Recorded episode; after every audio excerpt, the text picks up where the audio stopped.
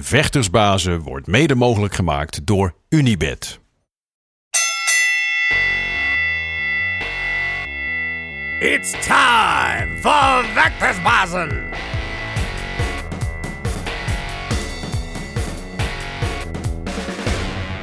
Vechtersbazen zijn terug in je leven. Terug op je beeldscherm of op je oren. Hoe je ons al volgt. Of het nou is via Spotify, Apple Podcasts of YouTube. Je weet ons overal te vinden. Met de beste verhalen van je favoriete vechters. Of het nou de sterren van morgen zijn. De sterren van vandaag. Of de legendes van gisteren. En degene die vandaag bij ons op de bank zit is zeker een legende. Ze is een pionier van het vrouwen kickboksen, Muay Thai. Eh, laat je niet verblinden door de looks. Want ze is echt een killer. De killer queen. Heb ik het over de enige echte Ilonka Elmond.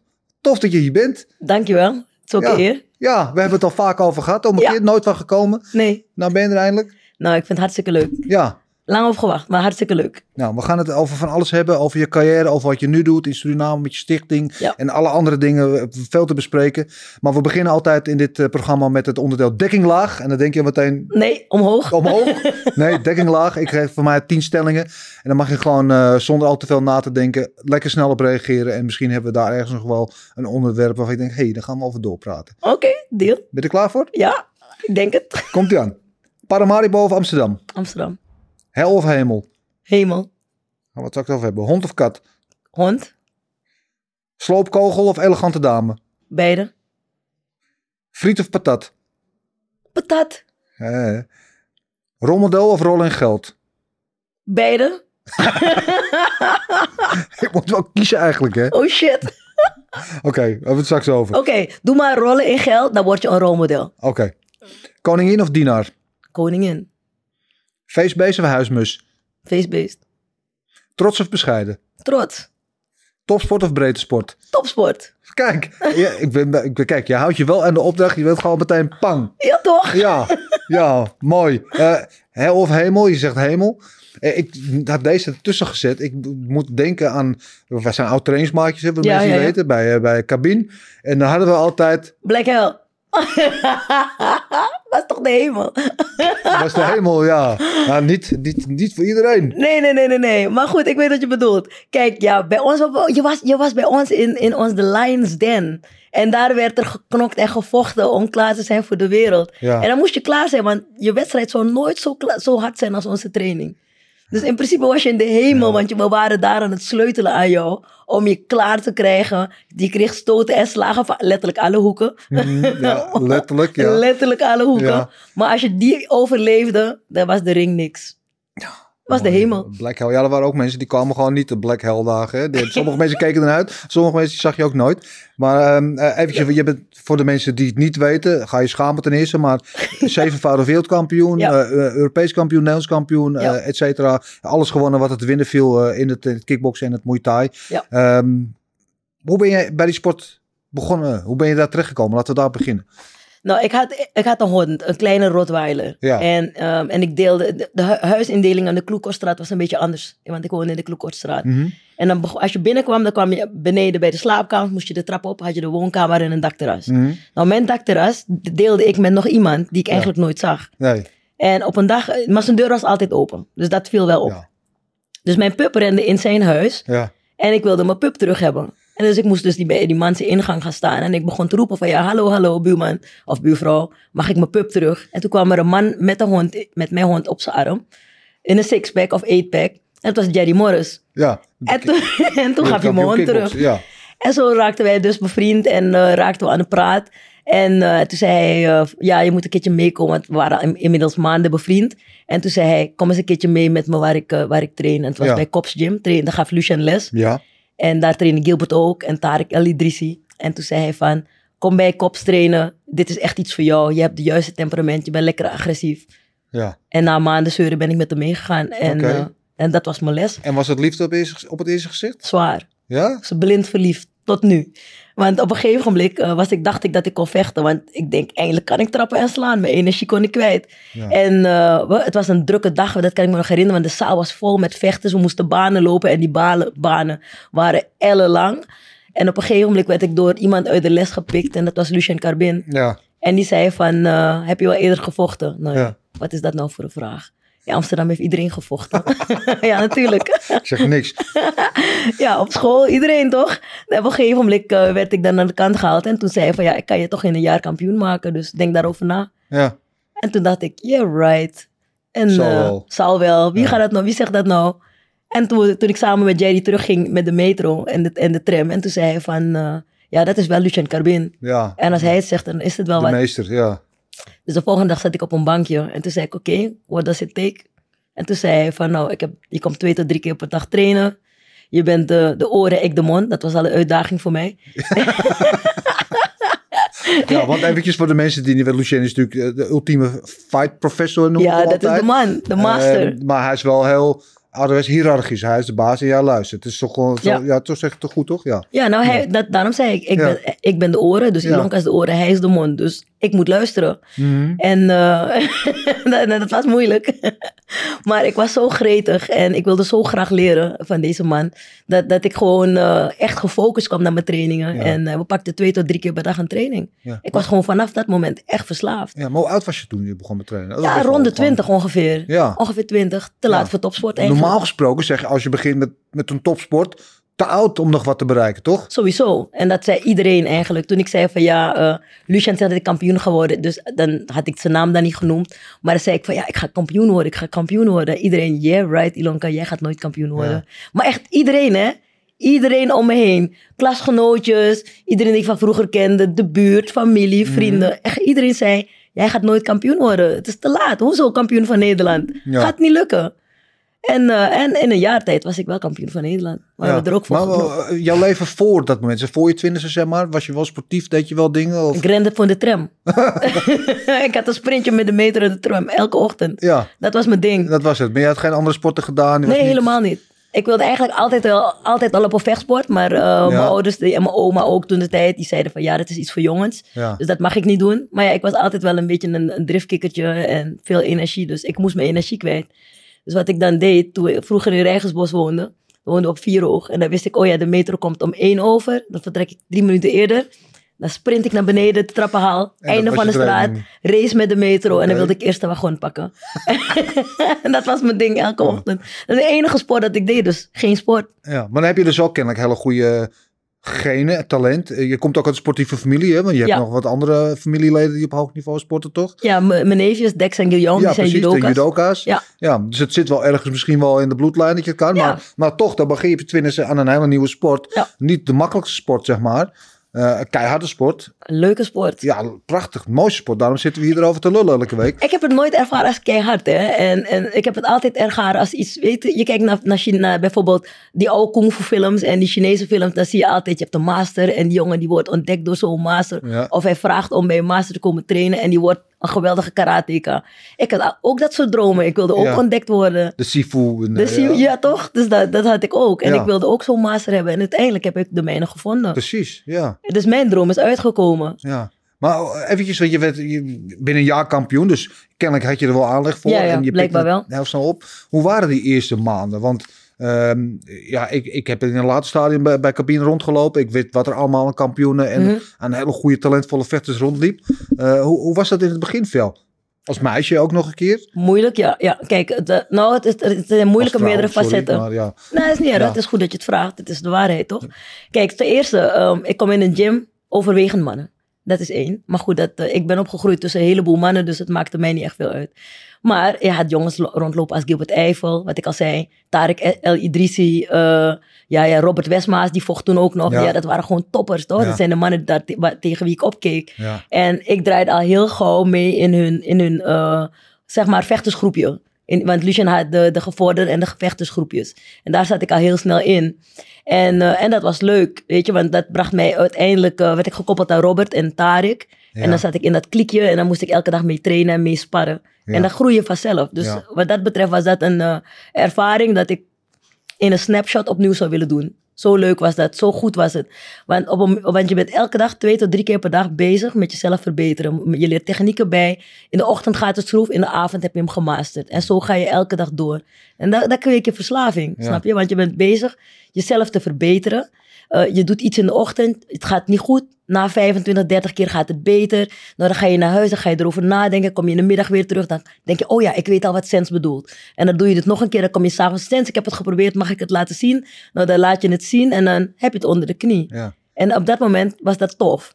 Dan kom je over het stukje terug waar wat moeilijk is, dat het stukje waar die drempel natuurlijk is, was de vechtsportwereld. De eerste, ehm, het is een mannenwereld en je bent vrouw. Dus dat. Dus, Twee drempels. Ja. Dus heb je, je? dan- had jou dan ook het gevoel, je zei je werd wel snel, vrij snel opgenomen, maar om toch in een vrij door mannen gedomineerd wereldje, of het nou met vechten is of voetbal, maar ja, dan is het vaak moeilijk voor een buitenstaander, in dit geval eh, als vrouw, om opgenomen te worden als Zeker. one of the guys, toch? Ja, je moest keihard mijn best doen. Ja. Ik kon bijvoorbeeld wat bijvoorbeeld een jongen één keer deed, moest ik vijf tot tien keer opnieuw doen. Alleen maar om te laten zien dat ik gewoon beter was dan die jongens. Ja. En dat zei Lucien ook tegen me.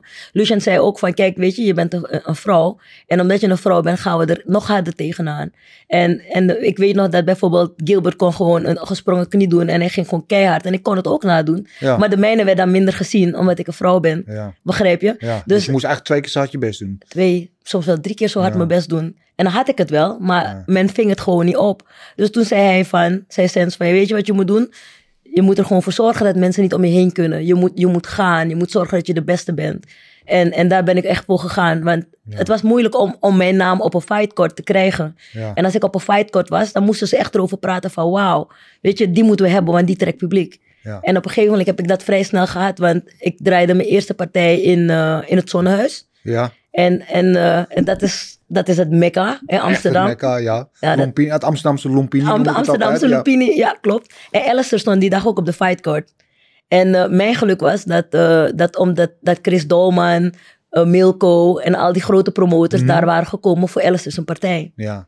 En ik draaide mijn partij, die eerste, de- mijn eerste partij die eerste avond. Ja. Ik won de stijlprijs, ik won Ja. op KO. En, ik, en de ogen waren toen op mij gericht. En ik kreeg twee weken, ik kreeg van een van die heren, Edsel van de Leuf. Hm, Was het toen? wel, Ja, ja. En die zei, ik, nou, over twee weken kan je later vechten op mijn evenement, veel groter dan het Zonnehuis. Dus Ja. ik draaide meteen alweer mee. ja. Terwijl ze voor Alistair kwamen, vonden ze mijn partij goed.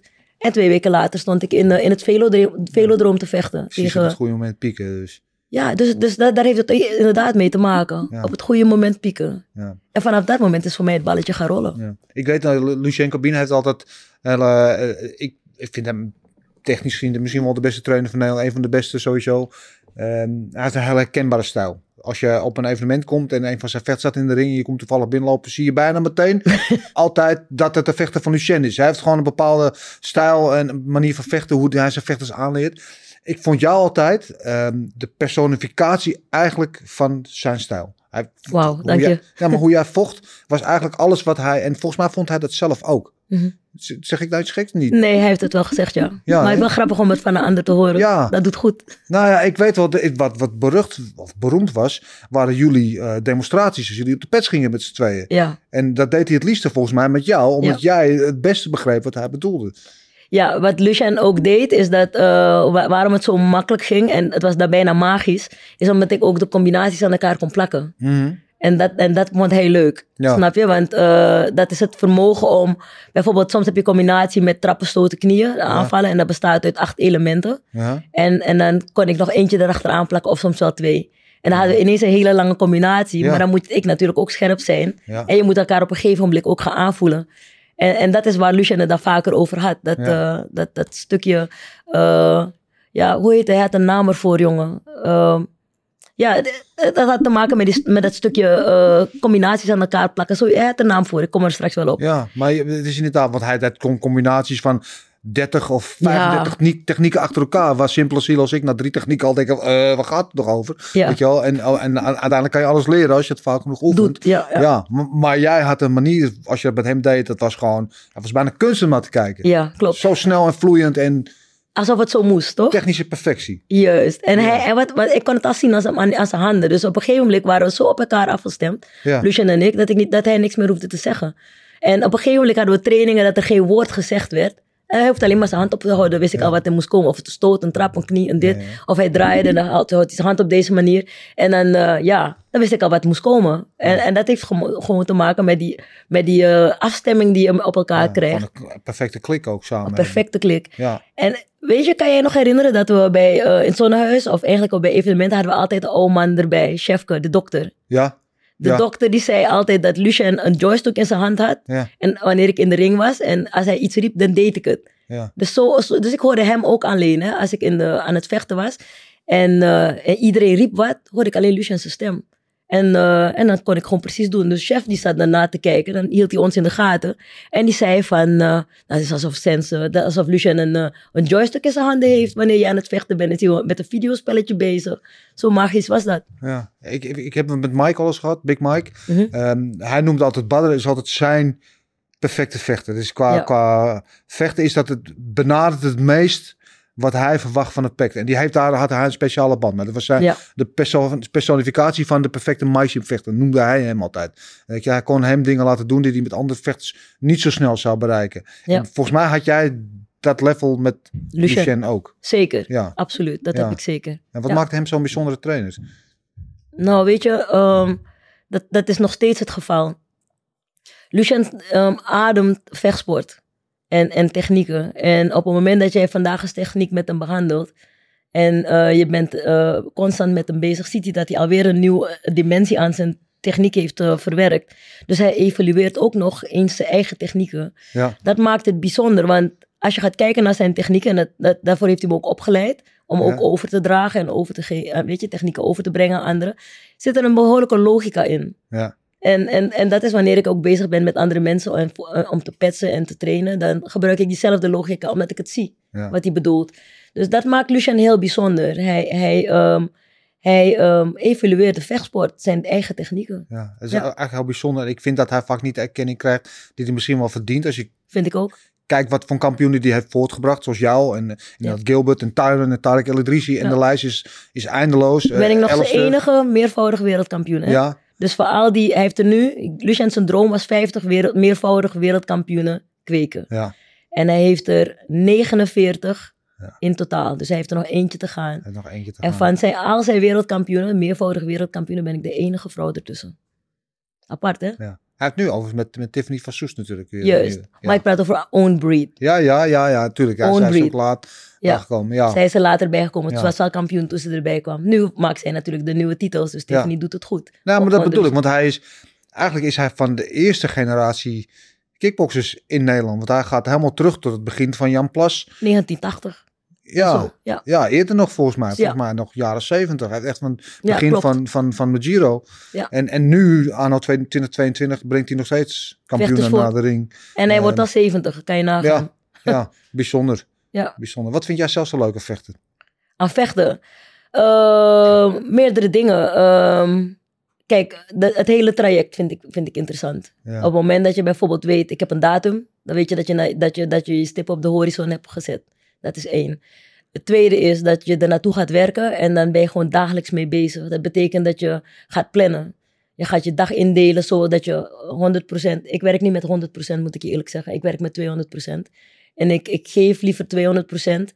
En op slechte dagen, dagen dat ik niet uit mijn bed wil komen, dat ik pijn heb, dan ga ik terug naar 100%. Maar heb jij als trainer nog steeds wat jij wil. Toch? Zo denk Ja. ik. Mhm, mhm. En, eh, en dat is het traject dat ik eigenlijk altijd inzet als ik Ja. iets ga doen. Ehm, het volgende wat je ziet is, op het moment dat jij met die mindset bezig bent, ja. dan ben je bezig met een, je zet de, level, de lat hoog voor jezelf, maar je bent natuurlijk ook jezelf constant aan het verbeteren. Dus je bent eigenlijk een diamant aan het poetsen, zodanig dat hij de waarde naar buiten komt en dat hij gaat stralen. Ja. Snap je? En je weet, met, met wrijving komt glans en wrijving is weerstand. Zonder En weerstand ga je ja, precies. krijgen. Die man met die hamer kom je tegen in je trainingstraject daarnaartoe. En dan moet je mee dealen. En, Ja. en, en dan leer je jezelf het beste kennen. Dus ehm, je komt jezelf meerdere malen tegen in het trainingstraject. En, en de vraag is natuurlijk aan jezelf, eh, hoe ga je met jezelf om? Ja, Weet je, je weet dat je soms meer had kunnen geven en je you cheat yourself out om het niet te doen. Snap je? mhm, Dan moet je eerlijk genoeg zijn om dat ook wel weer recht te trekken. ja. En dat is het trainingstraject naar een wedstrijd toe. En op het moment dat je naar een wedstrijd gaat en je bent daar, dan vind ik een, een, eh, een, een drukkend moment, vind je altijd in de kleedkamer. Want dan ben je vlak voor de wedstrijd. De rit er naartoe is leuk, want dan ben je nog ontspannen. ja. Maar op het moment dat je op locatie bent, dan is je kleedkamer je, je cave. Mhm, Toch? Dat is waar je moet voorbereiden. En dan moet je dan eh, opwarmen, maar dan ga je in je mental zone. En die mental zone, wat je eigenlijk al hebt, ben je al drie weken mee bezig. Want die wedstrijd heb ik al drie tot vier weken van tevoren honderden, duizenden keren uitgevochten. Ja. Op alle mogelijke manieren heb ik al mijn tegenstander verslagen. Mooi hoe je dat vertelt. Ja, Ja. dat is dus waar. Ja. en op het moment dat je dan daar naartoe gaat en je hoort je naam van hey, over nog twee minuten, over, of eh, de partij is bijna afgelopen, je moet klaarstaan, dan weet je dat je naar de ring moet lopen. En dan is dat het van hey, there is no way back. Je moet gewoon nu laten zien wat je, moet, wat je, wat je waard bent. En, eh, en, en dat is vaak het moment dat je naar de ring gaat. En dan valt eigenlijk, eh, tijdens mijn opkomst viel eigenlijk alle spanning eraf. Ja, het een mooie opkomst ook. Dankjewel, als een krijger. Ja, ja, dankjewel. ja. Maar eigenlijk hoe je dat vertelt bijna, is het bijna meer een gevecht met jezelf en, en, en Ja. de drive om het maximale uit jezelf, om de Ja. beste versie van jezelf naar boven te laten komen, dan dat het een gevecht met je tegenstander is. Ja, klopt. Ja, Dat is ook zo. Mijn tegenstander is een onderdeel van, ehm, van mijn succes, toch? Ja. Eh, Kijk, je kan het ook anders zeggen. Ik heb, eh, het, het heeft te maken met je mindset. En ik vind mindset in, in, in, onze, in onze branche vind ik heel belangrijk. Ja. Eh, Je, bent- je, bent, je bent erop of eronder. En je kiest ervoor om erop te zijn. Dus ehm, ik ga dus niet haar de mogelijkheid, of in, voor de mannen de, hem de mogelijkheid geven om mij te verslaan. Snap je? If it happens, it Ja, happens. Maar dan ja. zeggen ze, when shit hits the fan. ja, Dus pas wanneer het daar is, zal het gebeuren. Maar ik ga me er niet op voorbereiden. nee. Ik bereid me voor op de winst. Ik bereid me voor op mijn succes. Ik bereid me voor op mijn traject. Ik bereid me voor op wat ik de afgelopen maanden heb getraind en dat ik ga laten zien. Ik ga fysiek met je schaken. Dat is wat ik ga doen. Dus in de training ben je elke dag bezig om jezelf beter te maken. En dat gevecht is eigenlijk het, de toets, eigenlijk het examen. toets, om ja. te laten te, etaleren wat je hebt geleerd al die maanden. Of hebt gedaan Ja. al die maanden. Ja, Ja, ja, de ring is je toets, is je examen. ja, En in je examen laat je zien wat je waard bent. En dan probeer je zo hoog mogelijk te scoren. Ja, en eh, kijk, op knockout winnen is leuk, maar was dat, wa- dat was het niet voor mij. Op een gegeven moment waren er wedstrijden dat ik, naar, dat ik naar de ring ga. En Lucien zegt, wat ga je doen? Ga je voor de KO of ga je spelen? ja, 9 van de 10 keer zei ik spelen. Ik wilde gewoon niet op KO winnen. Ja, Ja. want weet je, je bent maandenlang bezig. Je, eindelijk heb je een datum, dan kan Ja. je gaan vechten. Ben je maandenlang bezig in voorbereiding, dan win je één minuut. Ik, heb- ik zit in de kleedkamer te huilen. Want ik ben mijn energie niet kwijt en ik heb niet laten zien wat ik kan. Nee. Ik heb maar laten geeft ook wel een bepaalde voldoening toch? Als je iemand gewoon... Nee kan- man, Nee? ik wil je mishandelen. en bij wijze van spreken. nee toch, ik wil toch laten zien van wat, eh, wat, wat, wat je kan. Ik, kijk, het is net als een, een piloot, die moet ook vlieguren maken. Ja. Wij vechters moeten ook vlieguren maken. Weet je wat, op momenten, kijk bijvoorbeeld, kan je nog herinneren, wij moesten toen de tijd vijf maal drie minuten vechten. Mhm. En vijf maal drie minuten, dan pas werd eigenlijk het kaf van het koren gescheiden in de derde, de, vi- de vierde en de De vijfde vierde, ronde. Championship rounds, ja. Dat zijn de championship rounds. Ja. Dan, ben je, dan weet je pas waarvan je gemaakt wordt. Mhm. Toen zijn we teruggegaan naar de wat K1-regels, drie maal drie minuten. Dan ga je naar drie maal drie minuten. Nou, dan weet je dat iedereen, iedereen, iedereen is moe na drie minuten. Maar we hebben nog niet laten zien wat we kunnen. Ja, Ik begrijp dat het commercieel interessant is om drie maal drie minuten te vechten voor de, voor de leken. ja. En de mensen die een keertje komen kijken, dan begrijp ik dat het spannend is. Maar om te kijken van, wat voor type vechters hebben we nou daadwerkelijk? ja. Dan moet je echt naar vijf maal drie gaan, want Ja, het gaat dat, op... Zou je willen dat we teruggaan weer gewoon Tuurlijk. naar standaard 5 3 ja? Tuurlijk, want wat, wat, wat, tuurlijk. Want kijk, de belt van een 5x3 wedstrijd en de belt van een 3x3 wedstrijd, wat is, wat, wat is meer waard? Ja. Hoe taxeer je dat? Nou ja, ik, ik, als bij Glory bijvoorbeeld kijkt naar de wedstrijden 3 keer 3 maar kampioenswedstrijden zijn dan wel 5 keer maal 3 drie. Dus om de titel moet je dan altijd wel die, die twee rondes extra eh, knokken. Klopt. Ehm, wat vind je eigenlijk van als je daarover nadenkt? Hè? Want je hoort wel eens dan kritiek over het, omdat mensen nu opgroeien in een 3 keer 3 systeem.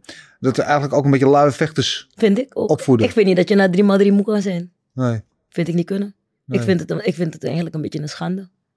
Want 3x3, je moet, dan moet je, weten, je moet leren omgaan met zoveel dingen. Als jij 5x3 vecht, dan weet je, oh ja, je moet je, je tank, dat is dus je lucht, die moet je gaan verdelen over vijf rondes, maar dan ook nog op een bepaald, in een bepaalde versnelling. Ja. En je moet niet vergeten dat wanneer je in de, in de, in de wedstrijd bezig bent, dan, dan ben je stoten en trappen aan het uitdelen. Mhm. Maar je krijgt ze ook. Dus je moet ook weten om te gaan met het incasseren.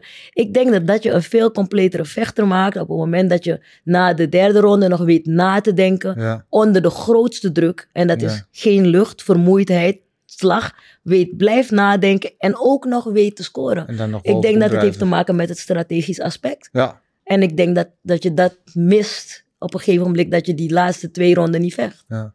Ja. ja, eens. Ja. Ja, toch? Ehm, we hadden net, voor, van, voordat we begonnen aan de podcast, we hadden ook over het mentale aspect van vechten. hè. En eh, ik ben van mening, weet je hoe jij dat ziet, ehm, dat, dat vechten misschien wel 80 of misschien wel meer procent mentaal is. En Ja. natuurlijk is er een goede lichamelijke preparatie nodig Tuurlijk. om topfit te zijn. Maar dat het mentale aspect vaak een beetje wordt onderschat. Dat het meer mentaal dan lichamelijk is. Ik weet Ja. niet of jij dat mee- met mij eens bent of niet. Nou, weet je, ehm, het lichamelijke en het mentale komt vaak op één lijn te staan. En Mhm. dat heeft te maken met de mate van hoe je trainingsintensiteit is. Ik bijvoorbeeld ging, op het moment dat ik veel trainde, ging ik in een soort van trance. En eh, waardoor mijn mental game, ja, waardoor ik dingen makkelijker kon zien. Snap je? Ik kon Ja. horen en ik kon het omzetten, Ja. want tussen horen en doen zit er nog een gap. Ja, maar Toch? was het iets waar je bewust mee bezig was, ook met het mentale Het aspect? ging per ongeluk. Ja, Het is iets dat, dat ik pas later ben gaan analyseren. Na mijn Ja. vechtsportcarrière ben ik over dingen gaan nadenken van, maar, maar hoe komt dat? Maar toen de tijd, als je me deze vraag 12 jaar geleden had gesteld, had ik geen antwoord op kunnen geven. ja, Ik denk wel dat, ehm, achteraf natuurlijk, dat het mental game heel belangrijk is. Omdat het natuurlijk, eh, het is nooit alleen het fysieke gedeelte. Fysiek komt vanzelf mee. Mhm. Maar ik denk dat je mentaal veel meer kan bereiken als je daar een goede begeleiding in hebt. En dan komt het fysieke vanzelf. Dat denk ik sowieso. ja. Ja, want ik, ik, jij hebt dan de mazzel of de, de, de gif dat het bij jou redelijk natuurlijk komt, dat je er wel mee bezig bent. Ehm, maar ik weet ook dat er heel veel vechters zijn die daar best wel mee worstelen. Daarom En daar niet de, de goede begeleiding bij krijgen. Of niet bewust van zijn dat ze daarmee bezig moeten zijn. En of er vaak te laat achter komen dat ze daar wat aan moeten doen. En is het schip dan nog wel te sturen? Dat, dat weet je, Ik denk dat het altijd wel te sturen is. Maar dat heeft echt te maken met, weet je, kijk, ik denk dat de, de sport waar wij in zitten, dat is vechtsport. ja. Dat is een heel persoonlijke sport. Mhm. En dat Heel betekent dat, persoonlijk, ja. ja, het is Ja. erg persoonlijk. Want een, een klap en een trap is persoonlijk. Ja. Je wordt gecorrigeerd op iets dat je fout hebt gedaan. Toch? Bij wijze van Ja, spreken. Dekking laag is een klap. Ja, Of een trap, toch? Dus het is heel persoonlijk. En wij gaan heel snel terug naar dat van, oh ja, strafhand omhoog. Toch? Dat is onze reactie. En op het moment dat jij met je coach bezig bent en je coach gaat jou leren, jou te verdedigen, van hé, hey, hou je hand toch een klein beetje meer naar links, toch hoger. Mhm. Zet je dekking diagonaal in plaats van recht met een trap. Ja. Weet je, dat zijn kleine belangrijke dingen waarbij je eigenlijk vertrouwen krijgt. Ik denk, we praten over een mental game, maar wat Ja. belangrijker in onze branches is het vertrouwen. ja. Dat je met elkaar gaat delen. Mhm. Het vertrouwen dat, jouw trainer, er- dat, dat jij jouw trainer gelooft dat de technieken, de wapens die hij je geeft, zullen werken. En het vertrouwen dat je hem geeft, is dat jij die wapens inzet in een strijd en laat zien dat het daadwerkelijk werkt. En daar creëer je een magische band. Snap je? ja. Dus dat, dat stukje vertrouwen moeten we niet onderschatten. En dat komt samen met dat mental part, Mhm. vind ik. ja. Snap je waar ik naartoe Ja, ik ga? begrijp wat je bedoelt. Eh, ik, vind je ook dat het, dat het tegenwoordig wel beter is, maar dat het heel lang een onderschat onderdeel is geweest van de Want sport? op, op, op zich heel erg onderschat. Ik denk dat als we hier jarenlang geleden begonnen waren aan een mental coach, Ja, eh, denk ik dat we veel verder zouden zijn met onze vechters. Dan waren we niet alleen de top drie, maar dan waren we gewoon de top één. Ja. Wereldwijd. Ja. Ja, dat denk ik echt. ja. Ik, wil- dus je hebt ook wel bepaalde coaches die goede motivators zijn. En eh, ik noem het Tom Haring bijvoorbeeld. Hè. Tom Haring die kon je het gevoel geven dat je eh, door een brandend gebouw heen kon springen zonder dat je wat over, om hem wat te noemen, weet je wel. Ja. Maar dat, vind ik- dat is ook mentaal natuurlijk, maar het is niet allemaal hetzelfde als mental coaching. Begrijp ik ik bedoel? Het- Ja, ja, ja. Dat is iemand gewoon zodanig motiveren om, hij, om klaar te zijn voor de strijd. Dat Ja. is wat je zegt. Ja, Maar, maar dat mental coaching gaat wat dieper. Want Juist. in principe eh, eh, kom jij bijvoorbeeld eh, te maken met onzekerheden en met Mhm. faalangst. En dan moet je je coach hebben om te zeggen van... hé, hey, nee, luister. We hebben keihard gewerkt. Je linkerhoek was niet goed en nu is je linkerhoek wel goed. Ehm, deze, de, de zenuwen die je voelt zijn gezond. ja, Embrace it. Weet je, omarm dat. Je hebt het nodig, want deze zenuwen zijn nodig om je scherp te houden in de wedstrijd. Als je deze knop, als je een trainer hebt die naast je zit en je zegt en gewoon rustig met je praat en je helpt die knop om te zetten mentaal, dan gaan mensen ook anders om met zenuwen wanneer ze de ring in gaan. ja. Ik bedoel, er is geen enkele wedstrijd dat ik gevochten heb dat ik geen zenuwen had. Nee. Alle wedstrijden heb ik zenuwen gehad. Alle, ik was ook onzeker, wel eens onzeker van is het- wedstrijden. ja, Natuurlijk. ja. Ik bedoel, Hoe ging je daar dan mee om? met onzekerheid. Ehm, door erover te praten. Weet je, ik, weet dat het een taboe was. Bij, Mhm. bij, ik noem het maar even een beetje grof, een taboe. Ja. Maar het was niet gebruikelijk om over onzekerheden Nee. te praten. Weet je, het feit dat je aan je trainer vraagt, denk je dat ik het kan?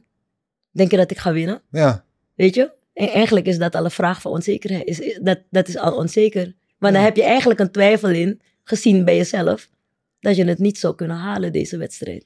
Ja ik, zie, het- ik zie het anders. Hoe zie je dat? Nou, ik zie, de- ieder mens heeft onzekerheden, ieder mens heeft angst. Weet je, sommige mensen zijn bang voor de belasting, andere mensen zijn bang dood te gaan, maar iedereen Ja. heeft angsten. Absoluut. Maakt niet uit. Maar ik vind vaak juist de vraag uitspreken is dan vaak ook de vraag beantwoorden. Want iets wat in je hoofd zit, Ja, Komt er nu uit, is ja. veel erger. Dan als je het uitspreekt, dan denk je, oh ja, valt wel voor mij. Het, Ook, het kan ook retorisch zijn. Dus ja, ben ik goed genoeg? Heb ik goed genoeg, eh, heb ik veel genoeg gedaan om te winnen? Ja, Ja, heb ik. Dan kan je hem ook zelf al beantwoorden. En het moment Dat kan ook de koude lucht halen. dat is waar. Maar soms heb je bijvoorbeeld het van degene nodig die je heeft voorbereid. Ja, Want dat is heel belangrijk Tuurlijk. soms. Want kijk, jij, ik denk dat een spiegelgesprek met Mhm. jezelf, met- Ja. met jezelf in de spiegel kijken en jezelf vragen stellen, dan geef je jezelf ook eigenlijk al antwoord. Ja. Dat is een moment dat je reflecteert, toch? Ja. Om te kijken van, hé, hey, waar zijn mijn sterke punten? Dan ga, je, dan ga je natuurlijk de balans opmaken. Ik kan dit goed, ik kan dat goed, ik kan dat goed. Wat kan ik, waar moet ik aan werken? Ik moet daaraan werken, ik moet werken aan dit, ik moet rustiger worden, ik moet minder boos worden. Ik zeg maar wat, dan noem je even de dingen, eh, dingen waar je eigenlijk aan voor jezelf aan moet werken. Maar dat zijn de vragen die je, dat, dat, dat, spel heb je al gehad. Dan ga je nu naar je trainer of iemand die je, waar je je lekker bij voelt. Weet je, iemand die, die eerlijk is tegen je. Want dat is wel ook belangrijk, weet je. Ja. Dan zeg je van, ja, denk je dat ik, dat ik dit ga doen? Denk je dat ik dit kan? Ja, en dan zegt die persoon vaak ja. En dan is het, oh, opluchting. Dat je gewoon van iemand anders het hoort dan van jezelf. Ja. Ik vind het mooi dat je er zo open over praat. En ik, en ik vind het ook heel goed. En ik vind het heel belangrijk dat er rolmodellen zijn. Mensen eh, uit top die dat bespreekbaar maken. Want ik heb wel vaak met vechters. Gilbert is iemand. eh. Tiffany van Soes ook. Ja. Die daar heel open over spreekt. Want ja, het is wel vaak nog een beetje een taboe. Ja. Dat het gezien wordt als een zwakte om je kwetsbaar op te stellen. En om te tonen dat je onzekerheid hebt. Terwijl eh, we hadden het laatst ook Tyron Spong hadden we in de, in de podcast. Die ook gewoon open vertelde over die, hoe die af en toe ook met, ja, met depressieve gevoelens worstelde. En of het nog wel kon. En, weet je, en hoe die erover praten. En ik denk dat het heel Ja. goed is voor anderen om te... Want het is niet... eh, dat het zwak is om te tonen. Het is meer hoe je ermee omgaat. Niet dat je het hebt. Het is niet het, het feit dat je bang om of onzekerheid of ang- angst hebt. Ja. Het is hoe je ermee omgaat. Ja, en, en als je ziet dat andere mensen het ook hebben en dat ze er toch overheen kunnen komen, dan dat, is ook. Dat vind ik ook. Ja. Mee eens? Helemaal eens. ja, mooi. Daar zijn we het helemaal eens. Ehm, we gaan naar het volgende onderdeel. Het is namelijk de tijdmachine. What we're gonna do right here is go back, way back, back.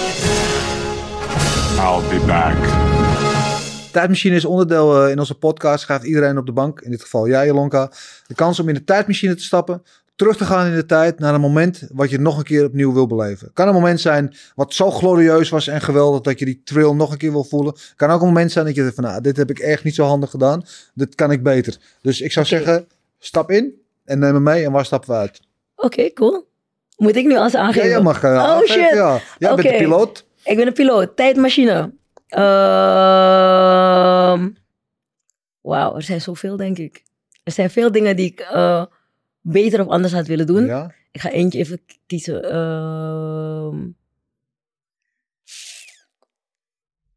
Ja, mag iets goed zijn, mag ook iets Het slechts mag zijn. ook iets eh, wat, wat juist te gek is. Waar je graag Maar heeft allemaal met vechtsport te maken. Wat jij bent de piloot. Jij mag kiezen. Oké.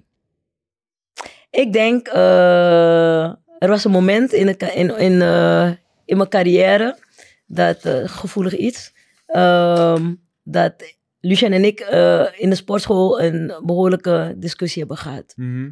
Ja, en ik vond dat Lucien sorry moest zeggen. En omdat Lucien eh, heel lang erover heeft gedaan om sorry te zeggen, ben ik weggebleven tot hij sorry had gezegd. Dat was één ding. En ik, als ik het over zou doen, was ik de volgende dag naar hem toe gegaan om hem te helpen sorry te zeggen. Dan waren we al sneller weer bij elkaar. Ja. En dan had ik weer sneller gevochten.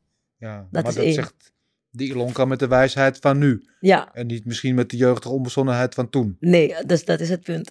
Toen Ja. was ik niet zo wijs. Waar ging die discussie over? Wil je dat vertellen? Of is dat... eh, Oh nee, ik weet, het- dat kan ik je wel vertellen. Ik weet nog dat ehm, ik was naar de, ik had, we hadden gevochten, Tyron en ik hadden gevochten in Curaçao. En we hadden beide gewonnen. Ehm, ik, kwam, ik, bleef, ik bleef langer, want ik had wat sponsoren die me daar wat langer hielden. Eh Tyron moest terug. En eh, het was niet echt de bedoeling, toen de tijd mag je niet zomaar overal trainen. En eh, dat had ik dus niet gedaan. Maar ehm, ik kwam dus terug naar Nederland en ik was dus helemaal hyped en enthousiast om weer te trainen. Allemaal in de bubbel. Maar Lucien, ja, helemaal in de bubbel. Ik was happy dat ik weer aan de slag kwam. Maar Lucien was ergens boos over. Maar ik wist niet waar hij boos over was. Nee. Maar blijkbaar hadden andere mensen gezegd van ja, dat ik eh, ben gaan trainen ergens en al dat soort zaken. En dat was niet waar. Dus toen zei ik eh, zo achter gezet, ach, don't sweat the small stuff, it's all small stuff. Maar ja, misschien heeft, eh, dat is een boek dat ik las. dus ik dacht, ik gooi die cover naar hem toe, toch? Van don't sweat the small stuff. en, en hij pakte dat niet zo goed op. maar waarschijnlijk achteraf denk ik, misschien omdat ik dat heb gezegd, heeft hij gedacht dat ik het bevestigde Dat ik elders ben gaan trainen. Ja, ja. Maar dat was helemaal niet waar. Want Nee. er was helemaal niks gebeurd. Is eigenlijk gewoon een misverstand. Een zware misverstand. Ja. Het ging helemaal nergens over. Weet je? Ja. Het had helemaal niks, nergens mee te maken. Dus ik zei van, hé, dat is helemaal niet waar. Toen werd het een hele heftige discussie. En eh, ja, dat, dat liep een beetje uit de hand zelfs. Ja. En toen, eh, toen heb ik gezegd, ik kom pas terug als jij sorry zegt. En eh, toen dacht hij, nou je bekijkt het maar, wie denk je wel dat je bent? Ik ben brutaal natuurlijk, in zijn ogen. En in vele hun ogen was ik brutaal. En, eh, en toen, toen zei hij later sorry. En kijk, als ik het eerder had, als ik bijvoorbeeld de wijsheid had van nu, was ik de volgende dag al Ja. gezegd. gegaan hoe lang heeft gezegd, tussen gezeten nu? Een jaar. Een jaar. Ik was echt boos. Ja. Maar hij En- was ook echt boos. ja. En wat is in het, in het jaar gebeurd? Ook ben gaan squashen. ik ben gaan squashen. Gewoon heel wat anders gaan doen. wat anders. Ik was zo boos. Nee, maar het squashen was helemaal niet leuk. Het was leuk, maar het was ook niet leuk. Ik, eh, ik ben, ik ben eh, een keertje uitgenodigd bij Mike. Ben ik bij Mike wezen kijken. Bij Dick. eh, Dick had me en Hans hadden me toen gebeld. Kom, kom eens bij ons. Toen ben ik even gaan kijken. Heb een keertje meegedaan. Heb ik Badr ook gezien.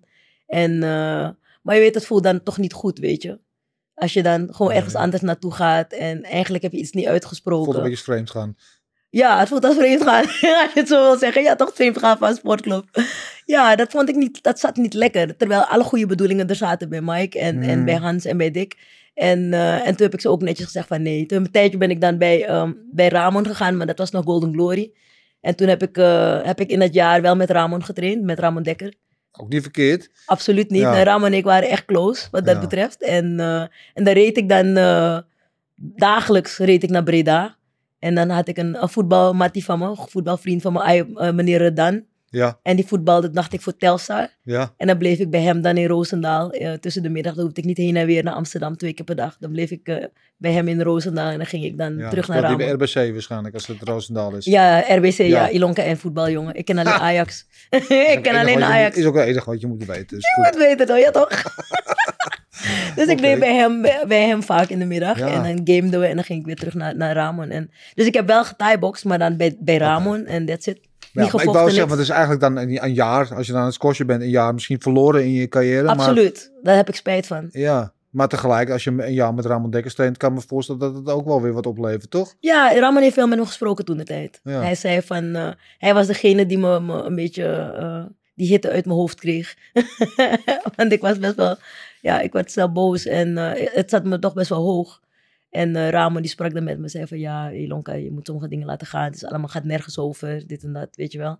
En eh, ik was toch ook een beetje eigenwijs, dus ik pakte dat, eh, dacht ik, nou, dan word ik de beste squasher van de wereld. totaal nooit, totaal geen balgevoel, vind Nee. je die? Nou ja, Maar dan ga ik het squashen. slaan, maar dan anders, ja. Ja, het heeft me rackets gekost hoor, geloof me. Die rackets zijn alle kanten opgevlogen als het niet kon. En die dingen gaan snel stuk. Dus toen dacht ik, te duur, ga ik niet doen. ben ik toch maar weer gaan timeboxen. En toen ben ik toch teruggegaan naar Lucian. En heb ik gezegd, Lucian, oké, Ja, gelukkig. staat erover. Ja, Ja. was veel beter. Waar ben je het meest trots op in je, in je carrière? Ehm, persoonlijk is dat ik ehm, voor, voor achter mijn doelen aanga. Daar, eh, daar ben ik wel trots op. Dat ik eh, dat heb geleerd hoor, want ik moest dat ook leren. Het is, niet iets dat vast, het is iets dat vanzelf erin zit. Mhm, Maar dat ik de begeleiding heb gehad om dat eh, te blijven doen. mhm. En eh, ik ben trots op mijn wereldtitels. Ik ben trots op, op mijn Nederlandse titels. Ik ben trots op mijn Europese titels. Ik ben trots erop dat ik een eh, inspiratie mag zijn voor velen. En eh, dat is leuk, maar soms is het best wel moeilijk om daarmee om te gaan. Omdat Ja. je, je, je ziet het anders dan hoe zij het zien. Ja, Wij zien het als iets dat we gewoon moeten doen. En zij zien het als wauw. Snap je? Dus het Ja. is, soms is dat wel moeilijk. Moet ik ook goed over nadenken hoe ik daarmee omga. ja. Ja, maar het is ook, het is ook wauw. Alleen voor jou is het gewoon geworden. Dat bedoel ik. Maar het is voor jou natuurlijk niet vanzelf gekomen. Het is stap voor stap gegaan. En ben je op dat level gekomen waardoor je het gewoon bent ik gaan ja. vinden. Maar voor veel mensen is dat het uitzichtpunt. Voor jou is het het eindpunt. Ja. Dus dat En ik is heb ook, ook het is ook wauw. Het is ook niet zomaar wat. Dat is waar, Dennis. Ja. Dat is helemaal waar. Het is inderdaad wel wauw. Maar da- daarom zei ik toch, dan moet ik voor mezelf nadenken, verplaatsen in hun schoenen, Mhm. hoe zij daar tegenaan kijken. Ja, En dat, dat vind ik soms best wel moeilijk. Ja. Dus, eh, maar ik moet je eerlijk zeggen, dat zijn, er zijn een heleboel dingen waar ik trots op ben. En ik denk van, ja, als ik de kans kreeg, dan deed ik het nog een keer over. Ja. Eh, Want dat, dat is zo, zo leuk. nou mooi. Nou, we hebben toch een mooie eh, traditie van, van, van, van vrouwen in de vechtsport op wereldniveau. Ja. Van Lucia Rijker, jij, eh Marloes Koenen die ik al Ja. noemde. eh Ja. Jermaine die nu nog steeds in de UFC vecht. Maar eigenlijk is het toch te weinig, toch? Veel te weinig. Ja, Ik denk dat... ligt het aan. Ik denk dat, ehm, kijk, weet je, vechtsport wordt gezien als een mannensport. Mhm. En je ziet dat de laatste jaren de trend een beetje verandert. Dat vrouwensporten, vrouwenvechtsporten meer gewaardeerd wordt. Ja, Ik denk dat er veel meer aandacht aan gegeven moet worden dat, eh, vanuit de women's point of view. ja, Want eh, wij vrouwen hebben echt veel meer drempels om overheen te gaan. We hebben veel meer tegenwerking dat mannen ondervinden. Ehm, ons salaris ten, ten opzichte Ja. van die van de mannen, dat is gewoon een dag en nacht verschil. ja. Ehm, en en dat, daar zit het nog aardig scheef in. Terwijl we wel, wel dezelfde prestaties als niet meer doen, worden we toch niet gewaardeerd. Dus ik denk dat daar sowieso echt heel veel, aan, veel meer mee gedaan moet worden. ja. Denise het Denise vind ik ook een Ja, topper. Ja, ja. Ja. maar wat, wat, zou, wat zou daar moeten veranderen? Om, om Meer media-aandacht. Ik Ja. denk dat er bijvoorbeeld...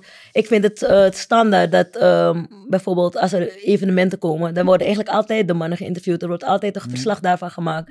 Waarom duik je niet eens een keertje in het leven van een vrouw? Ja. Hoe zit dat? Wat zijn de tegenslagen waar, waarmee zij te kampen heeft? Mhm. Kijk, sorry dat ik het moet zeggen, maar het, het is wel, het is wel een, een item. Ik voel het niet zo, maar het zijn Ja. wel items die, die gebeuren. Maar soms ben je ook nog eens een zwarte vrouw Mhm. in, de, in, in een mannenwereld. Ja, ja. Dus, dus in, in sommige landen heeft het helemaal geen hebben ze er helemaal geen problemen mee, maar in andere landen weer wel. En dan wordt er toch wel veel nadruk gelegd op waar je vandaan komt Ja. in plaats van wat je doet. Wat je, wie je bent en wat Ja. je kan. Ja. Wat je kan en wat je doet, weet je. Want uiteindelijk is het diezelfde vlag die omhoog gaat. Hè? Ja. Dus, eh, dus dat is, sorry dat ik het moet zeggen, maar Ja, nee, ja, maar wel, luister. Ik heb het gewoon zoals het is. ja, het is zoals het is. Ja, Maar ik denk dat het handig gaat zijn als daar veel meer aandacht aan besteed gaat worden. Wat, wat doen vrouwen anders? En ik denk dat als je die, die, de, de vrouwelijke vechters meer naar buiten toe brengt, Mhm. in plaats van standaard de mannelijke vechters, hebben ze ook een bepaald verhaal, ook een Ja. andere boodschap. Ehm, los van die extra drempels eh, waar zij mee delen, waar vinden ze hun inspiratie? Weet je, dat is ook een hele belangrijke. Waar Ja. halen ze dat uit? Want vaak moeten ze dan hun inspiratie weer halen uit een man. Ja. Toch, want daar is weer een documentaire over nou, gehaald. ja, maar daarom denk ik dat het ook belangrijk is dat er sterke vrouwelijke rolmodellen Ja. zijn. Zoals een jij, zoals een Marloes, zoals Ja. een Shemene en een Denise en, en noem ze allemaal maar op. Want weet je, waar raak je door geïnspireerd? Omdat je iemand ziet waar je mee kan identificeren. Ja. Als klein jongetje Precies. of als klein meisje. En je ziet Ilonka Elmond op een gala of op televisie en denkt dat wil ik ook. Dat, toch, dat, we, dat moet je hebben. Meer diversiteit. Ja, ja. Ik denk dat je zou kijken, als je een, een fightcourt hebt, moet je niet eh, genoegen nemen met één of twee damespartijen. Dan zou je er toch wel drie of vier moeten hebben Ja, van de tien partijen. Dus toch naar de 60-40 gaan. ja, En eh, op, op basis van 10%. Dat denk ik dat dat mee zou werken. ja. En dan heb je ook meer meisjes die bijvoorbeeld aan de sport gaan doen. Vrouwen gaan zich ook beter voelen, zelf verdedigen, meer gewaardeerd.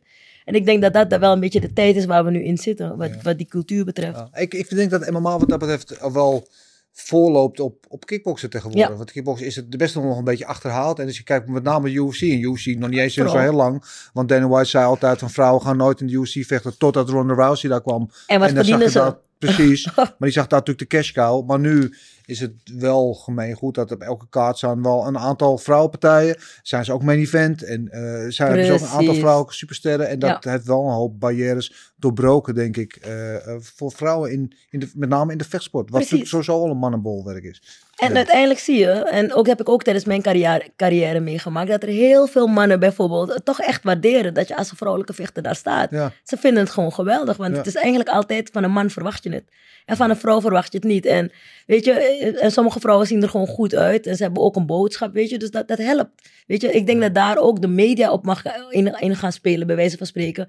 Een, eh, voor, voor ontbijt of voor cereal of voor een goede gezichtscrème. Weet je, dan gebruik je een keertje een, een vrouwelijke vechter. ja. Dat, dat, dat denk ik dat heel goed zou zijn. Ja, goeie. Nou ja, hè, we laten een goede voorbeeld hier geven.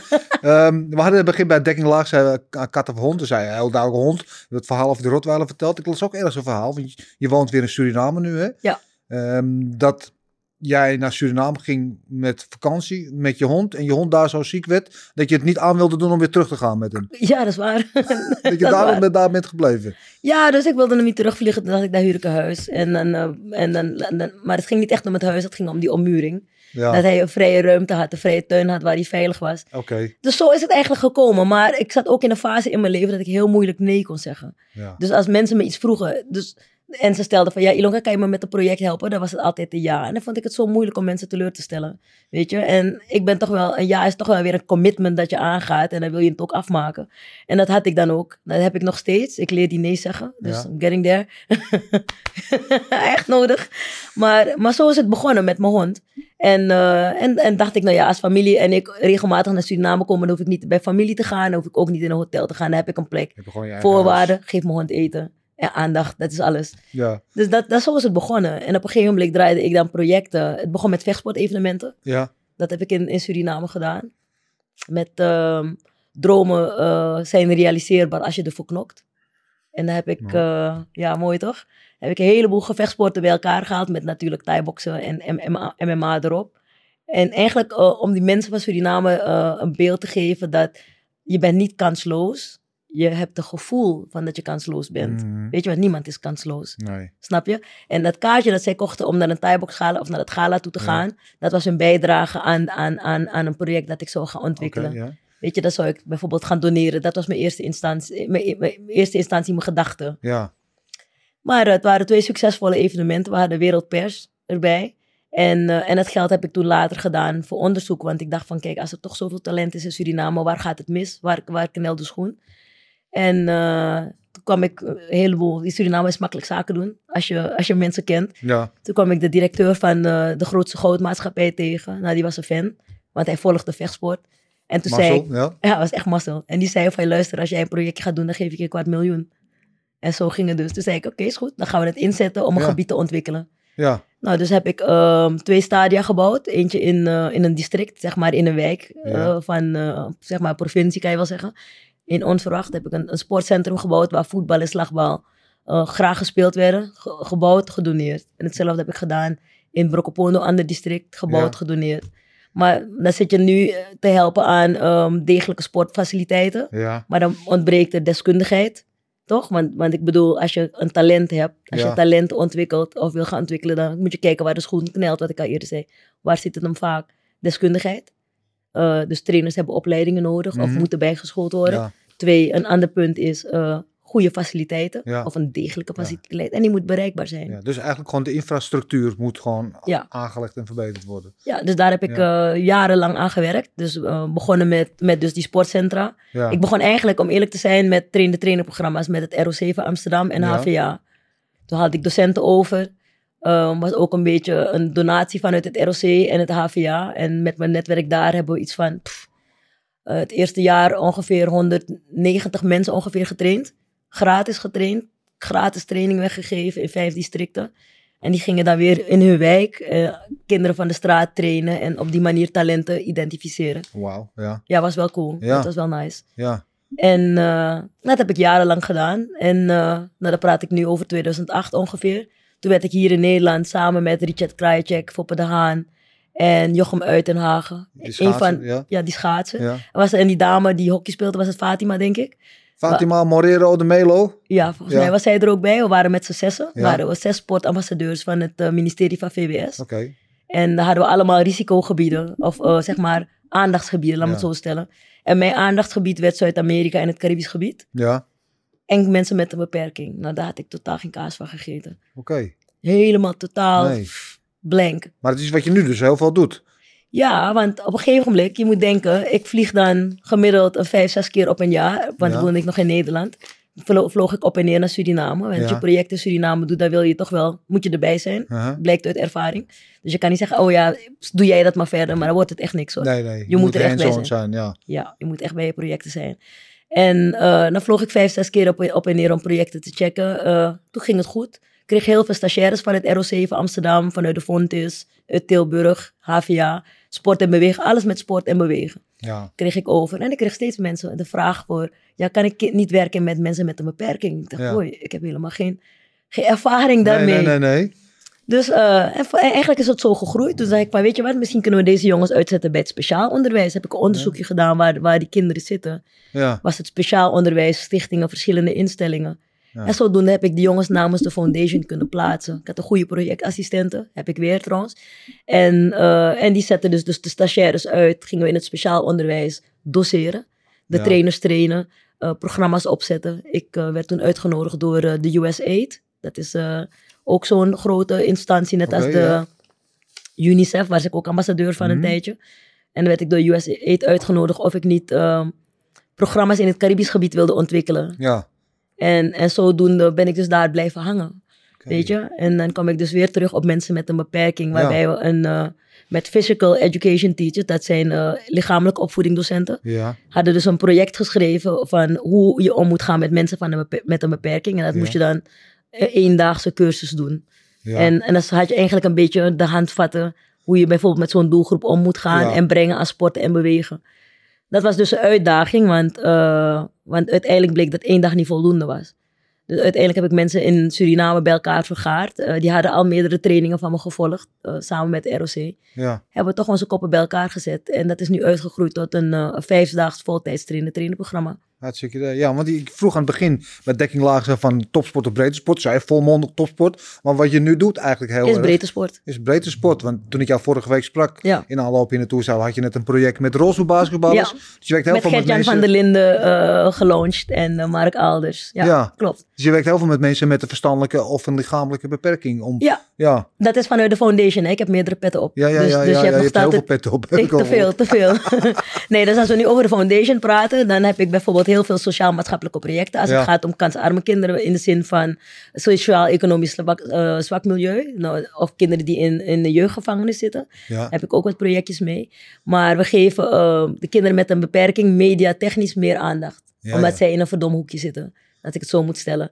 Nou, ik heb vorige week samen met eh Fonds Kind en Handicap, Basketball Experience Nederland, hebben wij ehm 3x3 rolstoelbasketbal geïntroduceerd in Ja. Hebben we 12 rolstoelen gedoneerd en 15 basketballen. Maar daaralvorens hebben we dat trainen-trainingprogramma ingezet waar ik het net over had. ja, ja, precies. En maar dan specifiek gericht op 3x3 rolstoelbasketbal. Nou, zo'n project start ik op, doneren we aan de Surinaamse Basketbalassociatie. Ik trek me terug en zij gaan dan weer verder. Dus eigenlijk werk ik aan de infrastructuur. Ja. Heb je zelf wel eens gedaan, rolstoelbasketbal? Ik heb voor het eerst in de rolstoel gezeten uh, me vorig moeilijk, weekend. man. Ja, jongen, het is echt verschrikkelijk. Ja. Ik, ik, ik ben als de dood om achterover te vallen. Ja. Weet je, want eh, die sportrolstoelen zijn pas, eh, ze zijn verschrikkelijk snel, maar het is moeilijk om balans te pakken. Ja, ja, ja. En dat je daar nog gaat rollen met balans. Dat is best wel ingewikkeld hoor. Ja, je zegt je moet een beperking voor hebben. Volgens mij moet je extra skills hebben juist om dat te kunnen. Je moet extra skills hebben, Ja. ja. ja. En uh, daarom was het ook belangrijk tijdens onze training. Want ik zei van ja, misschien is het handig om die, die trainers zonder beperking toch in een rolstoel te zetten. Zodat ze dan ehm, um, zich beter kunnen indenken. verplaatsen in de wereld iemand. van waar de mensen waar Ja, Ja, dus dat is ook anders coachen. ja. Snap je? Dus, eh, dus, dus dat hebben we dus afgelopen weekend gedaan. En, eh, maar eh, dat, dat is wat ik meestal doe met de foundation. Dus we, we helpen kansarme kinderen en mensen met een beperking op, op weg. Maar ik heb natuurlijk ook de pet van ehm, de Surinaamse Thaiboxbond ook Ja. op me. ja, ook nog even erbij. Ja. Ja, jongen, echt. En eh, daar ben ik bezig eh, daar de, de infrastructuur aan te leggen. Die, die zitten we nu goed. Dus mooi Ja. afgestemd op eh, de internationale regelgeving in de vechtsport. Dus in principe zijn we eigenlijk, nou in principe, we zijn aangesloten bij de WACO, we zijn bij de ISK aangesloten. We dus we zijn internationaal ook erkend. Ja. Dus dat heb ik wel ook kunnen regelen voor, voor Suriname. Ik denk dat ik misschien nog een jaartje aan zit en dan eh, ga ik verder, want het is veel werk. ja, begrijp ik, ja. En ik heb nog een paar vechters met wie ik werk. Dus eh, ik ben nog steeds eh, als uh, topsport. Dus met Domelso Schet, die, uh, die breng ik dus uh, naar de topsport. Mooi. Ik wil ja. zo nog meer met jou praten over uh, nou ja, wat je allemaal do doet in Suriname. En dat je dus inderdaad gelukkig ook nog bij de sport betrokken bent. Ja, maar dat kan ik niet laten. Ik, ik overweeg toch wel meer naar Nederland toe te komen. Dus misschien dat ik in een jaar of twee weer hier woon. Daar lijkt het toch wel weer een beetje op te komen. Misschien wel eerder, want mijn zoon die uh, gaat studeren. Nou, nou ja, studeren, hij, hij, is, hij moet, ik denk dat hij zijn middelbare school hier moet doen. En, uh, en dat ik dus weer in Nederland ga zijn. En, en dan ga ik veel meer in de vechtsport weer bezig zijn. Ik, ga, ik doe veel motivational talks. Ja. Uh, ja, dus Dennis, ik, ik ben wel, wel druk, ja. Mooi. Um, we gaan eerst eventjes naar het volgende onderdeel. Dat is namelijk het onvolprezen en onovertroffen Mount Fightmore. Uh, Mount Fightmore is ons onderdeel. Kijk, we zien ze daar al uh, verschijnen op beeld. Uh, ooit opgesteld door Marloes, mijn voormalige partner in crime in de podcast, en mijzelf. En het zijn eigenlijk, je kent Mount Rushmore. Dat zijn de Amerikaanse presidenten daar uit de rotsen gehouden. En Mount Fightmore zijn onze, eigenlijk onze inspiratiebronnen. De, de mannen of vrouwen naar wie wij vroeger opkeken. En uh, die onze liefde in de vechtsport hebben aangewakkerd. En voor de mensen Zeker. die ze nog niet kennen. We zien ook Ramon Dekkers, waar we het net over hadden. Uh, Bas, Bas Rutte, Rutte, John Bloemink en uh, Bruce, Bruce, Lee. Lee. En de vraag aan jou is, Ilonka. Als jij één iemand aan de Mount Fightmore zou mogen vereeuwigen, wie zou jou kiezen? Met andere woorden, wie is jouw grootste inspiratiebron of idool uit de vechtsport? Ramon Dekkers. Ja, ja Ramon, die hangt ja. er al, dat is mooi. Ja, is er al. Oh, wacht even. Ja, mag ik mag niet van zijn. die. Mag iedereen Oh. zijn die wil. Hoeft Oh, niet even deze vier. Dan, dan geef ik hem aan, eh, aan, aan Gilbert Eiffel. Gilbert Eiffel? Ja. Ja? Oh, dat geef hem toch aan Gilbert. Ja. Ja. Ik geef hem aan Gilbert, omdat voor mij dan... Gilbert is eh, iemand geweest die mij geïnspireerd heeft. Ja. Ehm, wat ik al eerder tegen je zei, voor het interview, zei ik van... Gilbert heeft een eh, uitzonderlijk talent.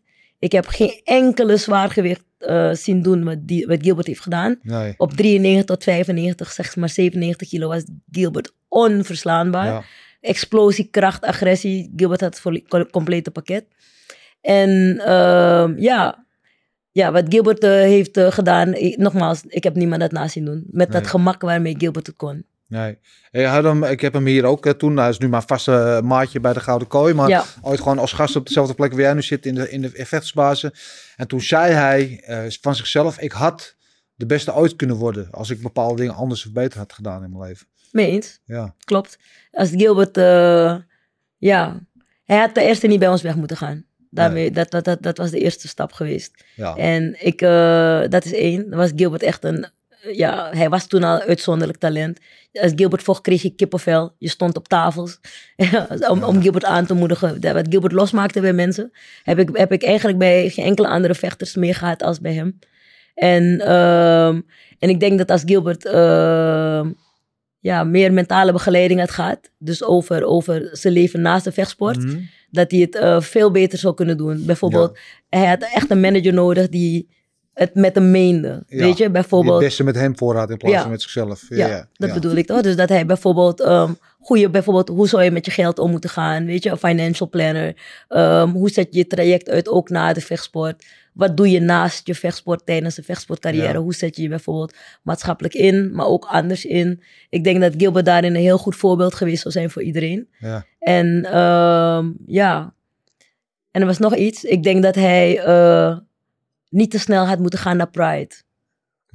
Dat ben ik nog steeds van mening. Ik denk Ja. dat als hij nog een tijdje door had gevochten in rings, Ja, En hij wou- gemaakt. Ja. had hij, daar maakte hij, was hij al onverslaanbaar, was hij al de beste. Hij was bezig al die Japanners eh, eh, klem te zetten, maar dan ook letterlijk.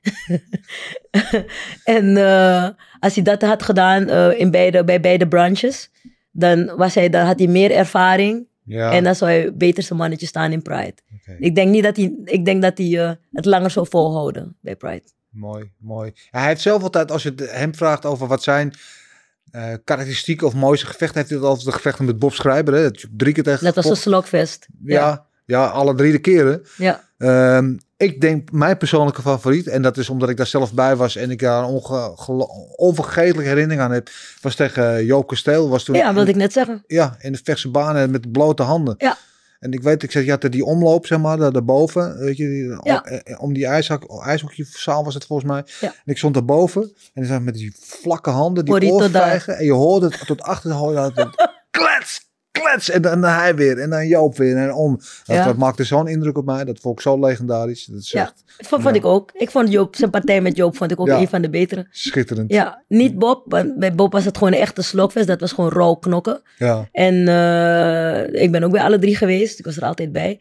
Maar van Joop vond ik, daar gebruikte hij ook meer eh, techniek. Ja. En als je gaat kijken naar zijn benenwerk, wat hij Nee, deed, was gewoon top. Die en- afhouders, ja, die ja. knieën, hij wisselde af. Ik vond dat technisch gezien een mooiere partij. Ja. Ja. Ik vond hem trouwens, als ik, eh, ik ben vergeten tegen wie het was, eh, in Japan vocht hij bij rings, vocht hij tegen, was het Takashi of, ik ben niemand zijn naam vergeten. Maar dat was een goede vechter. Ja. Maar wat Gilbert heeft gedaan, hoe hij zich losdraaide elke keer. Ja, toen dacht ik, nee, Gilbert gaat echt goed worden op de grond. Ja, hij, hij stond zo snel op. Die Japaner wist bij God niet wat hij met Gilbert aan moest. Dat vond, dat vond ik tot nu toe, ik moet even nadenken hoe die man heet. Vond ik een van zijn beste wedstrijden ever. Heb je zelf een persoonlijk eh, mooi moment? Gewoon, je hebt ook heel veel herinneringen aan hem, maar een mooie anekdote of herinneringen met Gilbert samen, die je zo te binnen schiet nu? Ja, zeker. een hele grappige. We waren naar eh, de, de we waren bij, de- bij de Rembrandtsplein, waren bij de Febo. Ja, maar het was voor onze wedstrijd. En eh waren we tussen de middag na de ochtendtraining zijn we naar Rembrandtsplein gegaan. Zijn een beetje aan het wandelen daar zo in de straat. En bij de Febo gestopt. En ik zeg nou tegen Gilbert, hey, als Sens erachter komt, gaat hij boos worden. Dat we patat eten, weet je. Dus ja, dan ben je patatje eten. Ik met oorlog, want dat is wat ik eet. En hij had een patatje zonder besteld, maar met een cola. Want Hij is op dieet. Ja, Dus hij neemt de mayonaise niet. Dus dat was een hele goeie. Dus die e- eind, eindfase komen we dus later in de gym.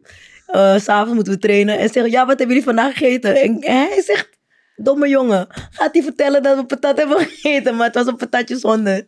Lucien, hoezo een patatje hebben jullie patat gegeten? Waarom jou, maar het was zonder. Hoe kom je erop? ik gebruik het nog steeds hoor.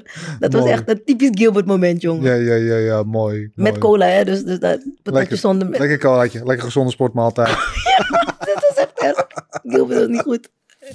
dat Ehm, was wel lachen. Rida, onze sterverslaggever die je elke week op pad sturen naar een eh, bekende vechter of vechtster om eh, zijn signature move eh, te laten zien en uiteindelijk ook op hem bot te vieren. Ja, als hij bij jou langs zou komen, wat zou jouw signature move zijn die je aan hem zou willen leren? Aan Bayrak. Nee, aan, aan Rida? Aan. Oh, ehm, ik, wil, ik, ik ben de laatste tijd in mijn draaitrappen, dus ik zal Mawassi het eh, geven. En dan van de, van de Mawassi de draaitrap inzetten. Dat zou ik hem geven. Ja, die is toch te gruw. Mooi, mooi. Maar jij was wel van, van, mooie traptechniek altijd ook, hè? Ja. Ja, Ik heb wedstrijden met Lucien gevochten dat, eh, dat Lucien zei van... eh, vandaag wil ik alleen, alleen benen zien. ja, En dan mocht ik mijn armen niet gebruiken. Daarom vocht ik sommige wedstrijden. Vochten we beperkt. ja. Ah, in wedstrijden ook, Ja, echt? ja, nee, ja, ja, ja. Oh, Dat deed hij. Hij gaf ons opdrachten. Weet je?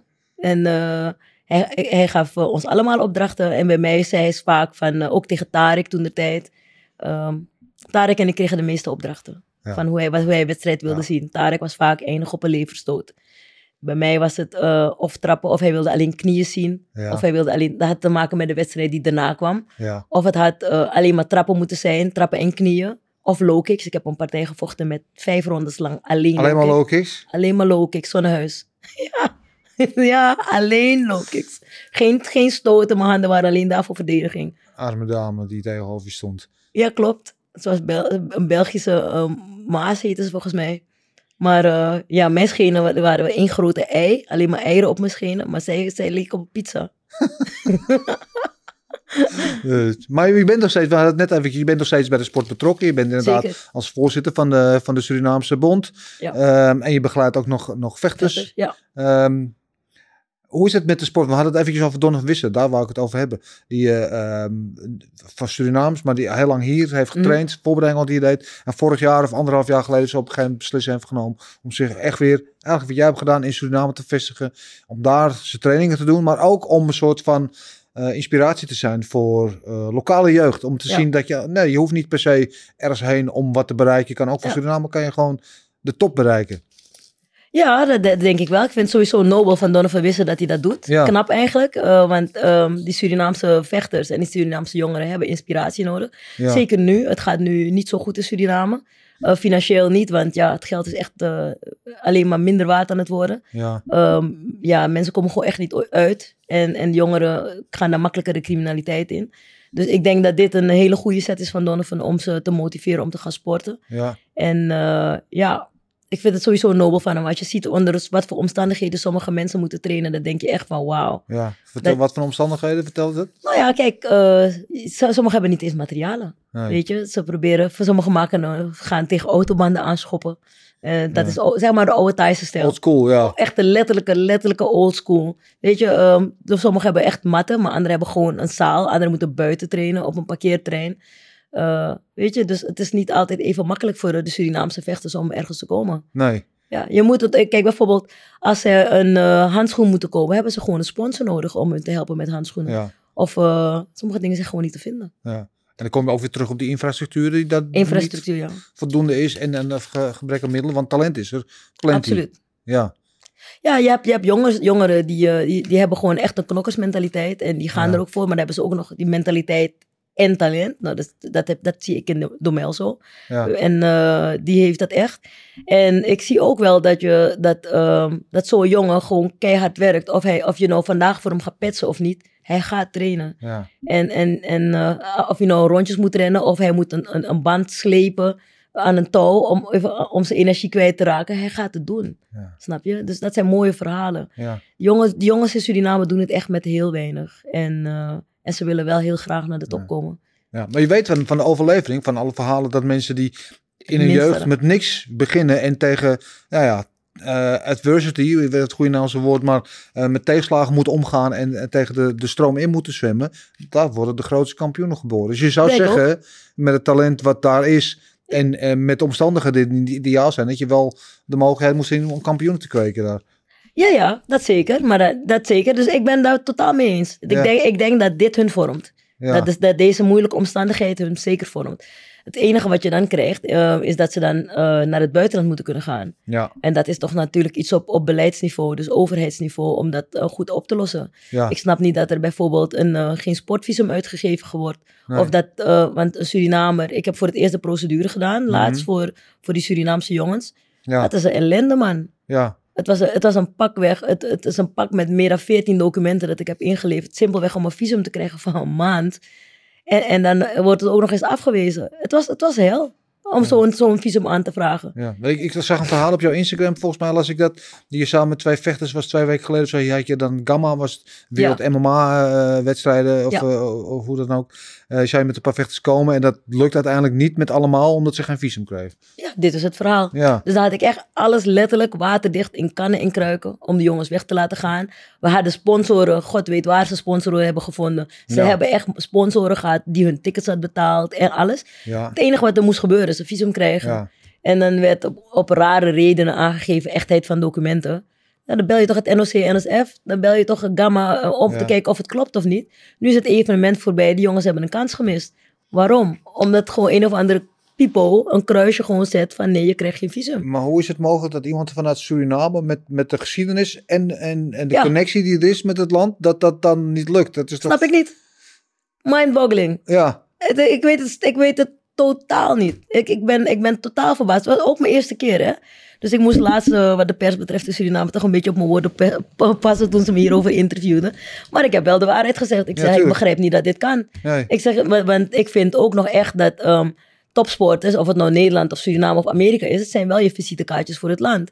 Weet je, ehm, wij, wij, wij werken daadwerkelijk naar resultaten toe. Of het nou een winst is of een verlies, maar wij, Ja. wij presteren. En eh, dat kan je niet over de politiek zeggen. En eh, Ja. over het bedrijfsleven kan je het pas eh, aanvicht- aanvinken aan het einde van een kalenderjaar. Ja, Wij, komen met een, wij gaan naar een evenement, we behalen winst of verlies, maar we presteren en we komen terug. ja, We zetten een land op de wereldkaart, of het nou Nederland, maakt niet uit, Suriname is, maakt niet uit wat je doet. Maar wij zijn het visitekaartje van het land. Wij verbinden mensen, wij inspireren. Dat, zijn, dat, is, dat, dat is de taak die aan ons weggelegd is. Dat Ja. meegekomen is met, onze, met, onze, met, met het harde werken dat wij ergens inzetten. Wat, eh, wat zou dan moeten veranderen, vind jij? Denk jij? Omdat, Ja, ik denk dat eh, de, de, als het tussen Suriname en Nederland gaat, denk ik dat de banden, eh, ze zeggen dat de banden warm zijn. ja, Maar ja, dat zou je moeten werken met het afschaffen van het visumbeleid. Ja. dat denk ik. ja, Dus ja, wat zou moeten veranderen? Visum afschaffen. Dat zou ik moeten zeggen. ja, En la- laat de mensen nou heen en weer reizen. ja. Waar ben je bang voor? Ik kan me bijvoorbeeld niet voorstellen dat bij wijze van spreken, dat is gewoon mijn gedachte dan. Wat, wat heeft Suriname nou aan inwoners? 500.000 mensen? ja, Niks. Ah, eh, eh, De, de gemeente Amsterdam is groter dan, dan heel, Panama, heel Suriname. Dus qua inwonersaantal. Maar mensen uit Colombia, ben ik pas achtergekomen, die kunnen gewoon visumvrij, miljoenen inwoners, ja, die kunnen visumvrij reizen naar, naar Nederland. ja, En ze kunnen hier blijven hangen, voorbij hun visum gaan, illegaal hier blijven. En daar maakt Nederland zich geen zorgen over. ja. Maar over een handjevol mensen maak je zorgen Ja. over. Dat gaat toch niet? ja. toch een beetje zou dan raar. liggen, zou je dan bijna zeggen. Wat dan? Ik, waar zou het dan liggen, ga je dan bijna afvragen. Je kan misschien denken dat het voorheen met de regering Bouterse, dat het daarmee te maken had, maar dat is toch allemaal weer... Nee, maar dat- dat visumgebeuren schijnt al jaren iets, iets Ja. te zijn. Dus het heeft niet speciaal met die regering te maken, denk ik. Nee. Ik denk dat ze al in de zeventiger jaren, of misschien eerder, eh, sinds dat visumding aangeschaft werd, Ja. dat het afgeschaft moet worden. Ja. Dat denk ik. Maar goed, ik ben niet eh, zo goed in politiek, hè, dus ik bemoei nee, me er niet mee. Nee, Dus misschien loop ik alleen maar rare dingen te zeggen. dat kan ook. Nee, nee ik, weet, ook- ik weet er niet genoeg van ook om te zeggen. Maar Ja. zou zeggen dat dat makkelijker gemaakt moet worden inderdaad. En allemaal, Ja, als je ziet ook wat Nederland aan, aan sportgebied, op sportgebied te danken heeft aan, aan. Surinaamse atleten. Precies. behalve jezelf en alle goede kickbox die we gehad hebben. Kijk eens dat Nederlands elftal om eh, door de Ja. jaren heen om wat te noemen. Ja, ja. ja. Ik ben met je eens. En, en dan denk ik, kijk, en Nederland doet het goed. Nederland waardeert de sporters. En, eh, en, en, en, en het is uiteindelijk Nederland die toestemming moet verlenen aan zo'n vechter om het land in te komen. Mhm. Dan, je erkent onze sporters ook. Nou, laat ze komen, zou ik zeggen.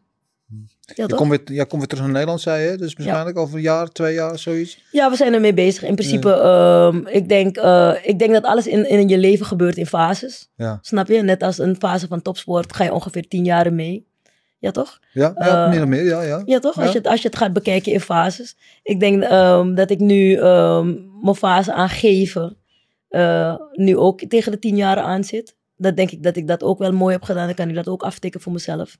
En, eh, en dan gaat mijn fase nu verder. En ik denk dat ik mij ehm, meer wil inzetten als sowieso als motivational coach. Nou ja, motivational is het woord, is niet het juiste woord, maar meer Mhm. inspirational coach. Ja, Want Goed. iemand motiveert, kan je al motiveren, maar het gaat om een stap terug. Dat is bij inspiratie begint het. ja.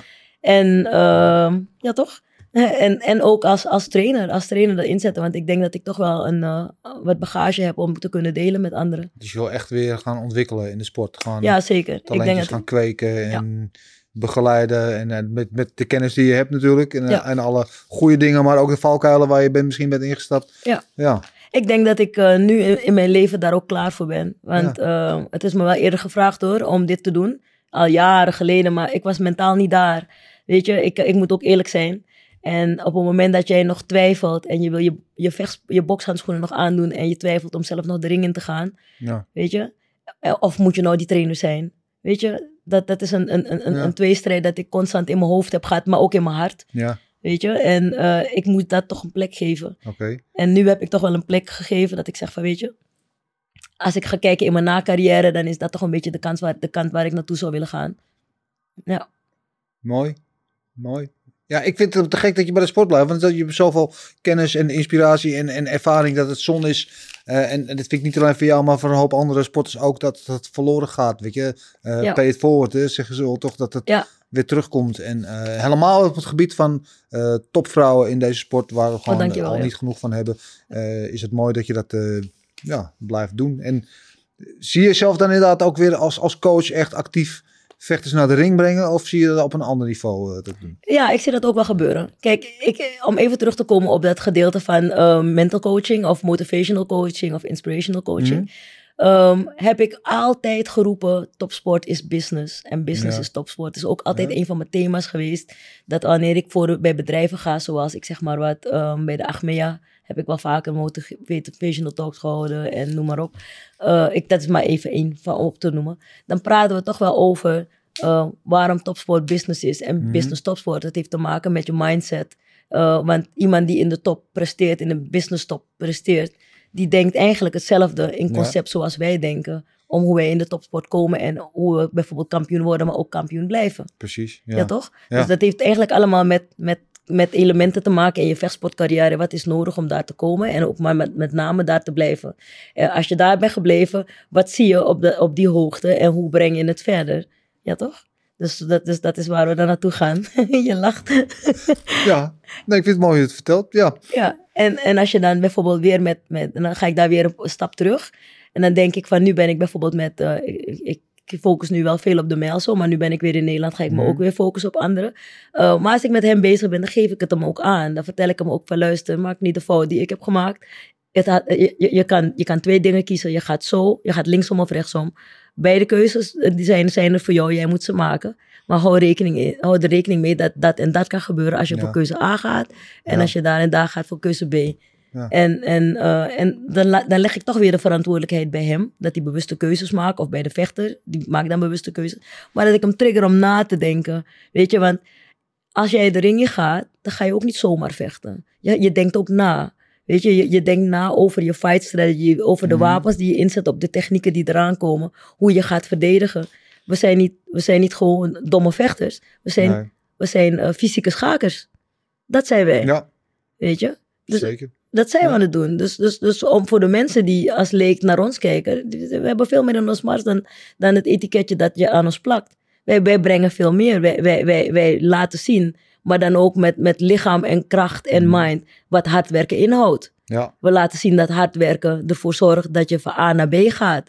We, le- we leren onze doelen stellen en naar onze doelen te werken. We leren in stapjes onze doelen Ja. uitzetten. Dus je leert ook plannen. tuurlijk. Weet je, behalve dat je leert plannen, leer je ook aangaan, omgaan met, met winsten en verliezen, met successen. We leren ook omgaan met de meningen van anderen over onze winsten en successen. Dat is een heel belangrijke, toch kritiek. We leren dat kritiek is opbouwend. Ja, en, om leren, en leren omgaan met kritiek ook, ja. Ja, maar dat, Ja. dat leren we, want dat zijn de meningen van anderen, toch? Maar Ja. de vraag is, wat, waar laten wij die mening? Wij, la- wij zijn het levende bewijs van wat, wat, wat wij als mens nodig hebben om een karakter te vormen. Ons karakter is gevormd en daarom zijn wij in de ring. Daar laten we zien van wie en wat we zijn. We laten zien dat wanneer jij een sinaasappel gaat pellen, of een mandarijntje gaat pellen, en je gaat, je knijpt je, je, je, je schilletje fijn, Mm. dan wordt die sap bitter. Ja. En die sap, die, de, de schilsap is bitter, omdat dat puur is. Ja. Zoals wij. Zo, ga ik even over nadenken. Vind je dat goed? Ja, natuurlijk. Denk er wel aan. Ehm, ik wil even wat anders eh, aanhalen. We hebben hier de hoek die hele mooie Next Round eh bokzak eh, staan. Je weet, sinds een aantal weken hebben we de Vechtersbasis Challenge. Met de slimme bokzak van Next Round. Die behalve eh, ja, snelheid, impact, aantal slagen, et cetera. Kracht, alles meet. Eh, en alle gasten die doen mee in die challenge. Laten we eerst even kijken naar de tussenstand tot nu toe. Van de gasten die we hebben gehad. Er staat nog steeds eh, Fabio Quasi. eh, staat daar oh, jezus. ruimschoots bovenaan. Ehm, en je weet, iedere, overal waar die, vechts, waar die zak hangt in de sportscholen, kunnen mensen ook die vechtersbasis challenge doen. Dus dan kunnen ze ook proberen de scores van, van bijvoorbeeld Fabio Quasi te verbeteren. Jij hebt ook meegedaan Ja. aan het begin. Allereerst, eerste reactie, wat vond je ervan? Vond het hartstikke leuk. Ik moet Ja. eerlijk zeggen, ik wil ook zo'n bokzak. Ja, Die alles meet, want het gaat me alleen maar meer motiveren om beter dan Fabio te worden. Doe maar beter dan het hele lijstje. Oké, Dan beter het hele lijst. Even kijken naar, wat je score uiteindelijk heeft gedaan. dat was wishful thinking. Ja, oké. Maar even in jouw, in jouw defensie, je bent net gisteren uit een vliegtuig uit Suriname gekomen. Ja, Een beetje jetlag misschien nog. een beetje, een beetje. Ja. Een beetje jetlag, ja. Maar dat is niet erg. Oké. Moet je, maar aan de andere kant, iedereen die daar zo op de lijst staat, is ook vele malen zwaarder dan ik. Dus ze hebben natuurlijk vele meer impact. Maar Ja, ik zit wel in de, top 4 van snelheid. Nou, ik weet Fabio Quasi. Ik denk dat hij, dat, dat hij letterlijk twee keer zoveel weegt als jij. Ja, dat kan. Wat weegt hij? 100 zoveel? Eh, ja, ik denk dat hij 120, 100 eh, nog wel Oh ja, dan, is. dan is hij like echt twee keer zoveel als ik, ja. Ja. ja. Dus als je de mijne zou cumuleren, dan ongeveer? Pardon? Dat klopt het wel ongeveer, toch? Ja, de klopt het dan weer. Ja, ja, Ja. Nee, maar ik vind het cool. Ik ben wel de enige vrouw ertussen. Dat maakt Je me nog bent trots. de eerste vrouw sowieso ertussen. Eh, dat moeten we ook snel gaan veranderen. Dus we, hebben meer, we hebben meer vrouwen nodig ook eh, die op deze plek komen zitten. Top. Ja. Dan ben Ehm, ik blij dat ik een pionier ben voor de, voor de rest van de Je vrouwen. bent sowieso al een pionier in deze sport. En Oes. nu ook een pionier in, eh, in de Vechtersbasis Challenge. Dus je blijft het doen gewoon. Oes, oes, oes. Dankjewel, dankjewel. Eh, ik vond het heel tof dat je er was. Wij kunnen volgens mij nog uren doorpraten. Ja, zeker. We, we moeten er ergens een punt achter zetten. Dus laten we het nog een keer doen, zou ik zeggen, of zo, volgende Gewoon- keer. ja, Just Stories for days. Tuurlijk. Luister, Dennis, bel me. I'm, I'm available. En dan maken we het mooiste van. Ja, dankjewel voor je mooie inspirerende verhaal. Ik wens je veel succes met alles wat je gaat doen. Nog met Foundation en eh, met je toekomstplannen, met vechters begeleiden. En alle andere dingen die je nog aan het doen bent, te veel om op te noemen. Ehm, succes daarmee. Dankjewel, En we zien je graag nog een keertje terug. Hartelijk dank. Het was een eer om hier te zijn. Jullie allemaal weer bedankt voor het kijken of het luisteren. En of het luisteren moet ik natuurlijk zeggen. Of het nou is via YouTube, Spotify, Apple Podcasts. Waarderen jullie allemaal. Laat het even weten ook. Als je het leuk vond, geef een duimpje. Of eh, als je het niet leuk vond, geef, een- geef een duimpje naar beneden. Weten we ook waar we aan toe zijn. In ieder geval, wat we heel leuk zouden vinden als je je abonneert op ons kanaal. Dat is belangrijk. En dat zorgt uiteindelijk voor dat we dit fijne podcastje kunnen blijven maken. Dus doe dat. Dan heb ik nog maar één ding te zeggen. En dat is oes! Oes.